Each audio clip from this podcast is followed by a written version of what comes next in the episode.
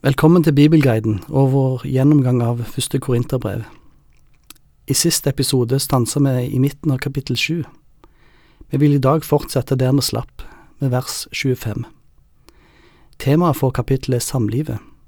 Det er ikke formanende i samme grad som de foregående kapitlene har vært. Det er mer former som undervisning. Og vi antar at det var et tema som menigheten i Korint har ytra ønske om at Paulus underviser de om. Derfor fortsetter Paulus med å dele sine råd, som han sier han ikke har fått fra Herren, men det er en apostels vurdering vi leser, og den skal vi holde oss til. Når det gjelder de unge jentene, har jeg ikke noe påbud fra Herren. Men jeg sier min mening, siden Herren i sin godhet lar meg være troverdig. På grunn av den nødstid vi lever i, mener jeg det er godt for et menneske å bli værende som det er. Er du bundet til en kvinne, så prøv ikke å bli fri. Er du ikke bundet, så finn deg ingen kone. Om du likevel gifter deg, synder du ikke, og om en ung jente gifter seg, synder hun ikke. Men de gifte kommer til å møte vansker i livet, og det vil jeg gjerne spare dere for. For det sier jeg, brødre, det er stadig kortere tid igjen. Fra nå av skal de som har kone, være som om de ingen hadde, de gråtende som om de ikke gråt, de glade som om de ikke gledet seg, de som kjøper noe som om de ikke eide det, og de som bruker verdens goder som om de ikke brukte dem. For verden slik den nå er, går under. Paulus gjentar her en del ting som han har vært inne på allerede men vi ser at han har en stor bevissthet på at vi lever i de siste tider. Hvorfor legge til ekstra bekymringer når det viktigste, nemlig å bli bevart til dommens dag, burde vært vår fokus. Mennesker står fritt til å gifte seg om de ønsker det, men for Paulus så får vi inntrykk av at han forventer Jesu gjenkomst om kort tid, i sin levetid kanskje. Dette preger hans syn på livet og samlivet. I møte med trengsel finner ikke trygghet i relasjoner, men i Guds løfter. Paulus deler så sine positive erfaringer med å leve som ugift. Jeg vil at dere skal slippe bekymringer. Den ugifte er opptatt av det som hører Herren til, hvordan han kan være til glede for Herren. Men den som er gift, er opptatt av det som hører verden til, hvordan han kan glede sin kone og så blir sinnet delt. Den ugifte kvinnen og den unge jenta er opptatt av det som hører Herren til, så de kan være hellige både på kropp og sjel. Men den gifte kvinnen er opptatt av det som hører verden til, hvordan hun kan glede sin mann. Jeg sier dette til deres eget beste, ikke for å legge bånd på dere, men for at dere skal leve sømmelig og holde dere trofast og helhjertet til Herren.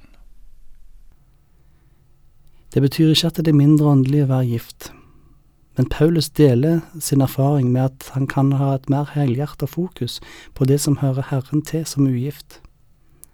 Dette fokuset er lettere for den ugifte, hevder Paulus, vel å merke om de har den nødvendige nådegaven til å leve som ugift. Han ønsker ikke å snakke ned ekteskapet, men han ønsker å tale positivt om den enslige stand, som han sjøl har erfart det. Om noen mener at han kommer inn i et usømmelig forhold til kjæresten sin fordi han er i sin fulle kraft, og det må så være, da skal han gjøre som han vil. La dem gifte seg, han synder ikke med det. Men den som står fast i sitt forsett og ikke er under tvang, men har herredømme over sin egen vilje og i sitt hjerte har bestemt seg til å la kjæresten forbli jomfru, han gjør vel i det. Så gjør altså den rett som gifter seg med kjæresten sin, og den som ikke gifter seg, gjør bedre. I teksten som blei lest, blei ordene adressert til et kjærestepar, eller et forloverpar. Men disse versene er vanskelig å tolke. For hvem er adressaten egentlig? I andre oversettelser er rådet adressert til en far om hvordan han skal forholde seg til spørsmål om å gifte bort sin datter. I grunnteksten refereres det til din jomfru. Om dette er datteren eller om det er kjæresten, det blir et tolkningsspørsmål. Tar en samtidskulturen i betraktning, vil det være nærliggende å hevde at beslutningen om å inngå ekteskap lå hos faren til bruden. Jeg heller derfor til den tidligere forståelsen av disse versene, som lyder sånn i Norsk Bibels 88-oversettelse. Men om noen mener at han handler uriktig mot sin ugifte datter, og hun alt er over ungdomsalderen, og det må så være, la ham gjøre som han vil, han synder ikke, la dem gifte seg. Men den som står fast i sitt hjerte og ikke har noe som tvinger ham, men har det i sin makt å følge sin egen vilje, og har satt seg fore i sitt hjerte å holde sin datter ugift, han gjør vel. Så gjør da den vel som gifter bort sin datter, og den gjør bedre som ikke gifter henne bort. Om rådet er adressert til et kjærestepar eller en far, så må budskapet sjås i lys av at Paulus mener Jesu gjenkomst er nær. Det er ikke galt å gifte seg fordi en føler seg klar for det, men en er ikke nødt til det heller. Dette rådet handler ikke om tillatelse eller synd. For Paulus er det en praktisk avgjørelse, hvor han anbefaler å ikke gifte seg fordi tida er som han er. Det vil si at premisset for dette rådet, det var Jesus snarlige gjenkomst. Til slutt så har Paulus noen samlivsråd til enker. En kvinne er bundet så lenge mannen hennes lever. Dersom mannen dør, er hun fri til å gifte seg med hvem hun vil, bare det skjer i Herren. Men hun vil være lykkeligere om hun lever alene, etter min mening, og jeg mener at også jeg har Guds ånd. Det understrekes at ekteskapet varer til døden skiller oss ad.